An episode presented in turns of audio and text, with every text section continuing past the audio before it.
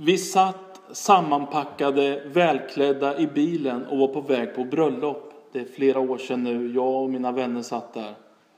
Och vi kom fram efter en lång resa och då upptäckte vi en sak. Att chaufförens bröllopsinbjudan såg inte ut som oss andra. På våra stod det Du är välkommen till vigselgudstjänst, middag och öppet hus. Men på hans inbjudan stod det Du är välkommen på vigsel och öppet hus. Alltså inte till middag.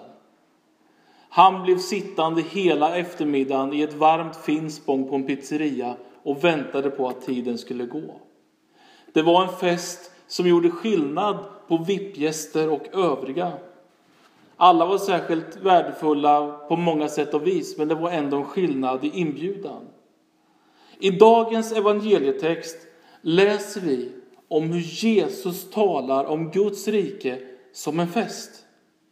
Först med en kallelse till särskilt inbjudna, som sen blir en inbjudan som gäller alla överallt. Vi läser från Lukas kapitel 14, vers 16 till 24. Jesus sa, en man skulle ha en fest och bjöd många gäster. När festen skulle börja skickade han sina tjänare för att säga till de inbjudna, välkomna, allt är färdigt. Men alla hade någon ursäkt att komma med. En lät hälsa, jag har köpt en åker och är tvungen att gå och se på den. Förlåt att jag inte kan komma. En annan sa, jag har köpt fem par oxar och måste se ut, gå ut och se vad de går för. Förlåt att jag inte kan komma. En tredje sa, jag har just gift mig, så jag kan inte komma. När tjänaren kom tillbaka och berättade detta greps hans herre av vrede och sa Gå genast ut på gator och gränder i staden och hämta hit alla fattiga och krymplingar och blinda och lytta. Och tjänaren sa Herre, jag har gjort som du befallde, men ännu finns det plats. Då sa mannen till sin tjänare Gå ut på vägarna och stigarna och se till att folk kommer hit så att mitt hus blir fullt. Jag säger er att ingen av alla dem som först blir bjudna skall få vara med på min fest. En man skulle ha fest och bjöd många gäster. Det finns ju ett talesätt som säger så här. Vägen till mannens hjärta går genom magen, ja. Vägen till mannens hjärta går genom magen. Det han får äta och ta in som värmer hjärtat. Det där har jag och min fru märkt av, det där med att äta, hur viktigt det är. Vi gav oss som nygifta ut på shoppingturer ibland, skulle titta på kläder och skor. Och efter att det gått sådär en kvart, 20 minuter så sa jag, nu måste vi gå och fika. Och hon tittade på mig och sa, vi har ju inte hunnit någonting. Nu måste vi gå och fika. Och efter fikat ut på butikerna igen och så efter en liten stund så sa jag, nu måste vi äta lunch. Och hon blev förtvivlad. Vi hann ju ingenstans. Och efter lunchen var det ju dags för eftermiddagskaffet. Det min fru har lärt sig det är att om blodsockret är på fel nivå så blir det inget inköpt eller gjort överhuvudtaget. Vägen till mannens hjärta går genom magen. När Bibeln talar om Guds rike, när Bibeln målar en vision av hur det ser ut när Guds vilja sker, då talas det om fest. Det talas om mat och om dignande bord, inte lite lagom, utan ett överdåd, en stor fest. Jesaja profeterar i kapitel 25, vers 6. Herren Sebaot skall på detta berg hålla gästabud för alla folk. Ett gästabud med feta rätter och starkt vin. Med feta mustiga rätter och starkt klarat vin. Jag var på en trevlig bjudning hos en kollega för många år sedan. Och det var förrätt, det var huvudrätt och det var efterrätt. Och sen togs det beställningar på vilken sorts kaffe man ville ha. Och då sa han, följ med mig ut i köket så tittade han inträngande på mig i köket och sa Daniel, hur jobbar du med kaffe? Och jag hade aldrig formulerat det så. Jobba med kaffe. Och så sa han. Hur gör du när du ska dricka kaffe? Och jag visste inte vad, vad ska jag säga. Vad ska jag svara? Och jag fick ur mig. Jo, det är lite olika. Och han tittade på mig och sa. Ja, för kaffe slarvar man inte med. Och så satte han igång med sina nyköpta bönor och kvarnar och malde och in i den där italienska gadjamaskinen för många tusen lappar. Och ut kom espresso och cappuccino, olika sorter till stor glädje. Och jag frågade till slut, varför jobbar du så otroligt mycket med varje del i måltiden? Då tittade han på mig och sa, jo Daniel, varje måltid är ett förebud om det kommande himmelska gästabudet. Alltså slarvar vi inte med några måltider. Och han var något bibliskt på spåren. För Jesus talar om fest, en fest i Guds rike, dignande bord, ett överdåd av rätter. Eller när Gud knackar på och vill in i ditt och mitt liv. Då står det så här i Uppenbarelseboken 3, vers 20. Se, jag står vid dörren och bultar. Om någon hör min röst och öppnar dörren ska jag gå in till honom och äta med honom och han med mig. Gud vill gemenskap. Och här tas bilden av en måltid som ett delande i relation. Guds rike, skulle jag vilja hävda, är livsbejakande. Det handlar om livets höjdpunkt. Det handlar om ett stort kalas. Och vi som ibland lite reserverat vågar oss på ett litet småförsynt leende, vi möter här ett bullrande gapflabb. Vi som håller tillbaka vårt känsloliv möts här av mingel av människor där glädjen står högt och där doften är god och lockande. Jesus bjuder till fest. Och bakgrunden till att Jesus berättar den här liknelsen är att han några verser innan talat om att bjuda generöst och särskilt de små och marginaliserade. Och en av dem som hörde det sa Salig är den som får vara med om måltiden i Guds rike.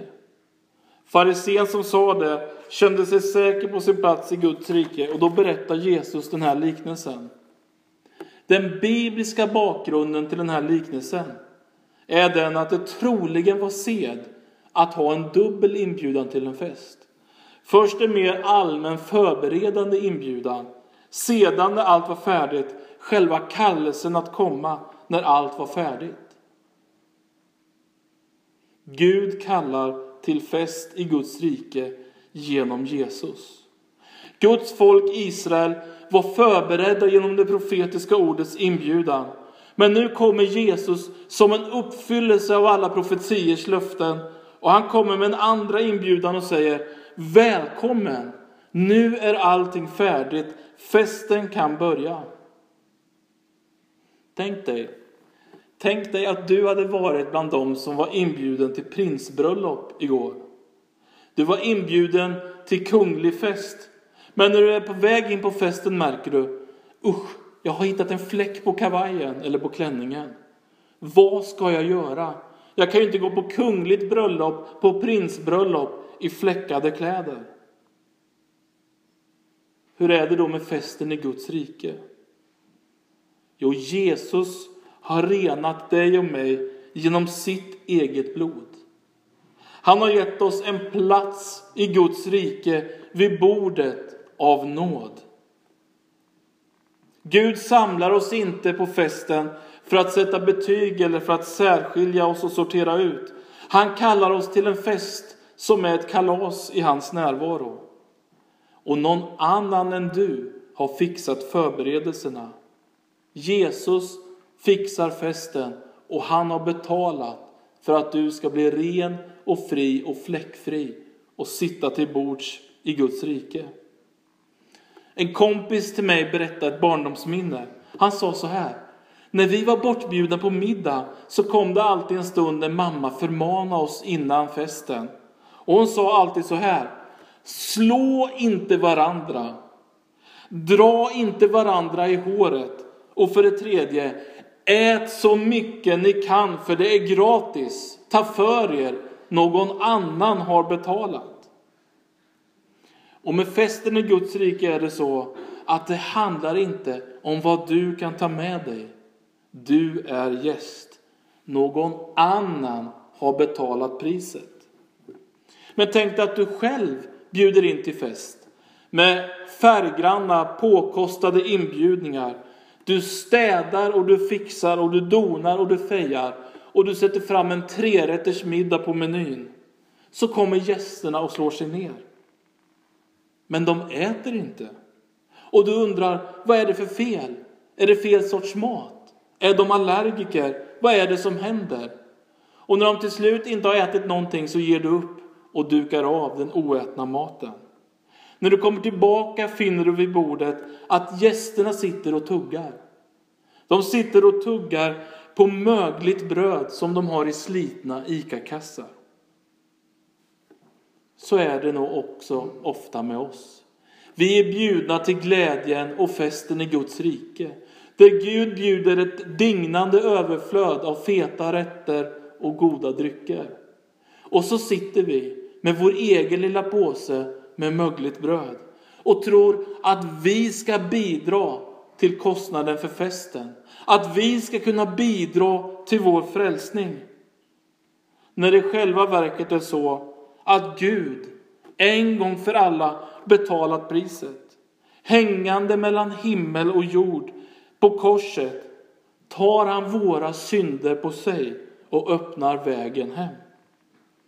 Första Petrus brev kapitel 1, vers 18-19 säger Ni vet att det inte var med förgängliga ting, silver eller guld som ni friköptes från det meningslösa liv som ni övertagit från era fäder. Nej, det var med blodet från ett lamm utan fel eller fläck, Kristi dyrbara blod.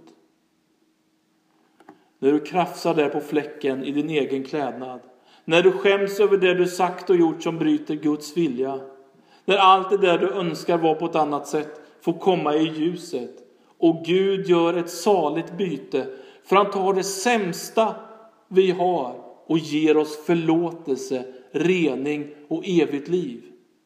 Det var inte med förgängliga ting ni köptes fria. Nej, det var med Kristi dyrbara blod. Och till alla oss som kämpar och som spänner oss så kommer Gud med ett budskap om nåd. För vad är det Jesus säger när han ger upp andan på korset? Jo, han säger det är fullbordat. Någon annan har betalt. Genom Guds nåd har vi en plats vid bordet vid festen i Guds rike. Och inbjudan går ut och ursäkterna står som spön i backen. Någon säger, jag har köpt en åker som jag måste inspektera. En annan säger, jag har köpt fem par oxar, jag måste ut och titta vad de går för. Och en tredje säger, jag har just gift mig, jag kan inte komma. Vad är det de säger? Ja, de säger ju inte, jag ska slå min granne eller bedra min fru. Det är ju inga sådana ondskefulla saker de skyller på. Det handlar om ganska vardagliga saker, sånt som kan vara gott i sig om vi hanterar våra ägodelar och relationer på ett rätt sätt. Problemet är att man tycks misslyckas med att skilja det som är bra från det som är bättre. Att skilja mellan det som är bra och det som är bättre. Upptagna av våra jordiska tillgångar riskerar vi att missa inbjudan som är bättre än bra, som är viktigare än viktigt. Det som handlar om att Guds rike brutit genom hinnan mellan himmel och jord. Och vi står där och missar glädjen och missar tilliten och missar festen i Guds rike. När Jesus får komma först i våra liv. Alla de särskilt inbjudna tackar nej. Och Israels folk som genom profetordet var förutbestämt och förutberett och inbjudet missar inbjudan och nu går inbjudan ut till alla människor, alla överallt. Och att avböja den andra inbjudan till en fest betraktades som ett grovt etikettsbrott, en förolämpning mot måltidsvärden. Och låt oss titta på de här ursäkterna. Den som köpte en åker kunde ju mycket väl inspektera den en annan dag. Och ingen köpte ju oxar utan att först ha inspekterat och prövat dem. Och den som gifte sig var frikallad att gå på festen, men hustrun kunde mycket väl ta emot inbjudan och gå tillsammans med sin man till festen. Och vi läser i vers 21-23 hur inbjudan går vidare. Värden för festen skickar ut sin tjänare och säger gå ut till de fattiga, krymplingarna, de blinda och de lytta. Tjänaren fick en förnyad uppmaning att gå ut på gator, i gränder och i gator i städerna och inbjuda alla överallt. Matteus 24, vers 14 säger Och budskapet om riket skall förkunnas i hela världen och bli till ett vittnesbörd för alla folk. Sedan ska slutet komma. Liknelsen slutar med ett domsord som drabbar de självsäkra, som drabbar den som avvisar Jesus. Det finns ett allvar i evangeliet. Det är absolut nödvändigt att människor får höra om Jesus. Det är absolut nödvändigt att inbjudan till festen i Guds rike blir tydlig så att varje människa får höra och ta emot. Vårt nej till Jesus leder till att vi missar festen i Guds rike. Jag läste många år sedan en bok av Tony Campolo. Och han berättar hur han flög till Honolulu, Hawaii. Och beroende av jetlag så kunde han inte somna. Så han gick ut på promenad mitt i natten i Honolulu. Och så där vid tre, halv fyra hittar han ett nattöppet hak, en sylta. Ser inte ut att vara så mycket för världen, men det är ändå öppet. Och han går in och får tag i en torr bulle och något att dricka. Och så där vid halv fyra tiden rasade in ett gäng kvinnor. Och han kan ana på atmosfären och deras sätt att vara och tala att det här är ett gäng prostituerade som kommer in. Och han hör på deras prat att de har jobbat klart för natten. Och så hör han vid bordet bredvid hur en av kvinnorna säger Imorgon fyller jag år. Och så var det inte mer med det. Men så slog det Tony Kanske jag skulle ordna en fest för henne. Han hade uppfattat att hon hette Agnes. Så han gick till restaurangägaren och sa, kommer det här gänget in ofta? Ja, de kommer in halv fyra varje morgon. Då sa Tony till restaurangägaren, jag hörde att Agnes, en av tjejerna, fyller år imorgon. Ska inte vi ta och ställa till med en fest för henne? Jo visst, sa restaurangägaren, vilken bra idé. Och de började dagen på att fixa restaurangen med ballonger och girlanger och bakade en stor gräddtårta. Och så stod de redo med hela restaurangen vid halv fyra på morgonen. Och när Agnes och hennes kollegor kom in så sjöng de Ja må du leva. Eller vad man nu sjöng på engelska. Och när de hade sjungit klart så sa de Nu utbringar jag ett fyrfaldigt leve för Agnes och så fick hon tårta. Och Agnes stod där med tårar i ögonen och trodde inte det var sant. Och så sa hon, ingen har någonsin gett mig en tårta förut. Och så trodde alla, nu ska vi börja äta. Hon sa, får jag bara gå hem en stund med tårtan? Jag måste få vara själv med den en liten stund. Så kom hon senare tillbaka och man åt tårtan tillsammans, sjöng och pratade. Och så var det tyst. Och så sa Tony, jag föreslår att vi ber en bön tillsammans. Och så bad han en kort bön om välsignelse över Agnes. När festen var klar så kom restaurangägaren surt och sa Jaså, du är en sån där religiös? För det hade han inte fattat förrän Tony bad en bön. Ja, jag är kristen. Jaha, vad tillhör du för kyrka då? Och Tony svarade Jo, jag tillhör en kyrka som ordnar födelsedagsfest för horor halv fyra på morgonen. Restaurangägaren svarade, det gör du inte alls, sådana kyrkor finns inte. Men om det skulle finnas en sån kyrka skulle jag vilja bli medlem på en gång. Sådana kyrkor finns inte. Men om de fanns, då skulle jag vilja bli medlem på en gång. festen som ett tecken på Guds rike. Oavsett hur fläckarna ser ut, så som de var för Agnes och sådana som de är för dig och mig. Vad vi än bär med oss i ryggsäcken som skaver, saker som har hänt, saker vi sagt och gjort. En annan har betalt priset. Guds nåd har blivit synlig genom Jesus och han har bevisat Guds kärlek till oss genom att Kristus dog för oss medan vi ännu var syndare.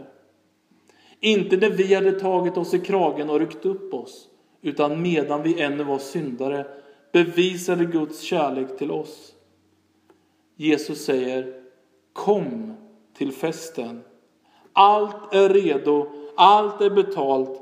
Festen väntar på dig. Kom som du är. Det finns nåd och förlåtelse i en ocean av kärlek. Kom till festen. Kom idag.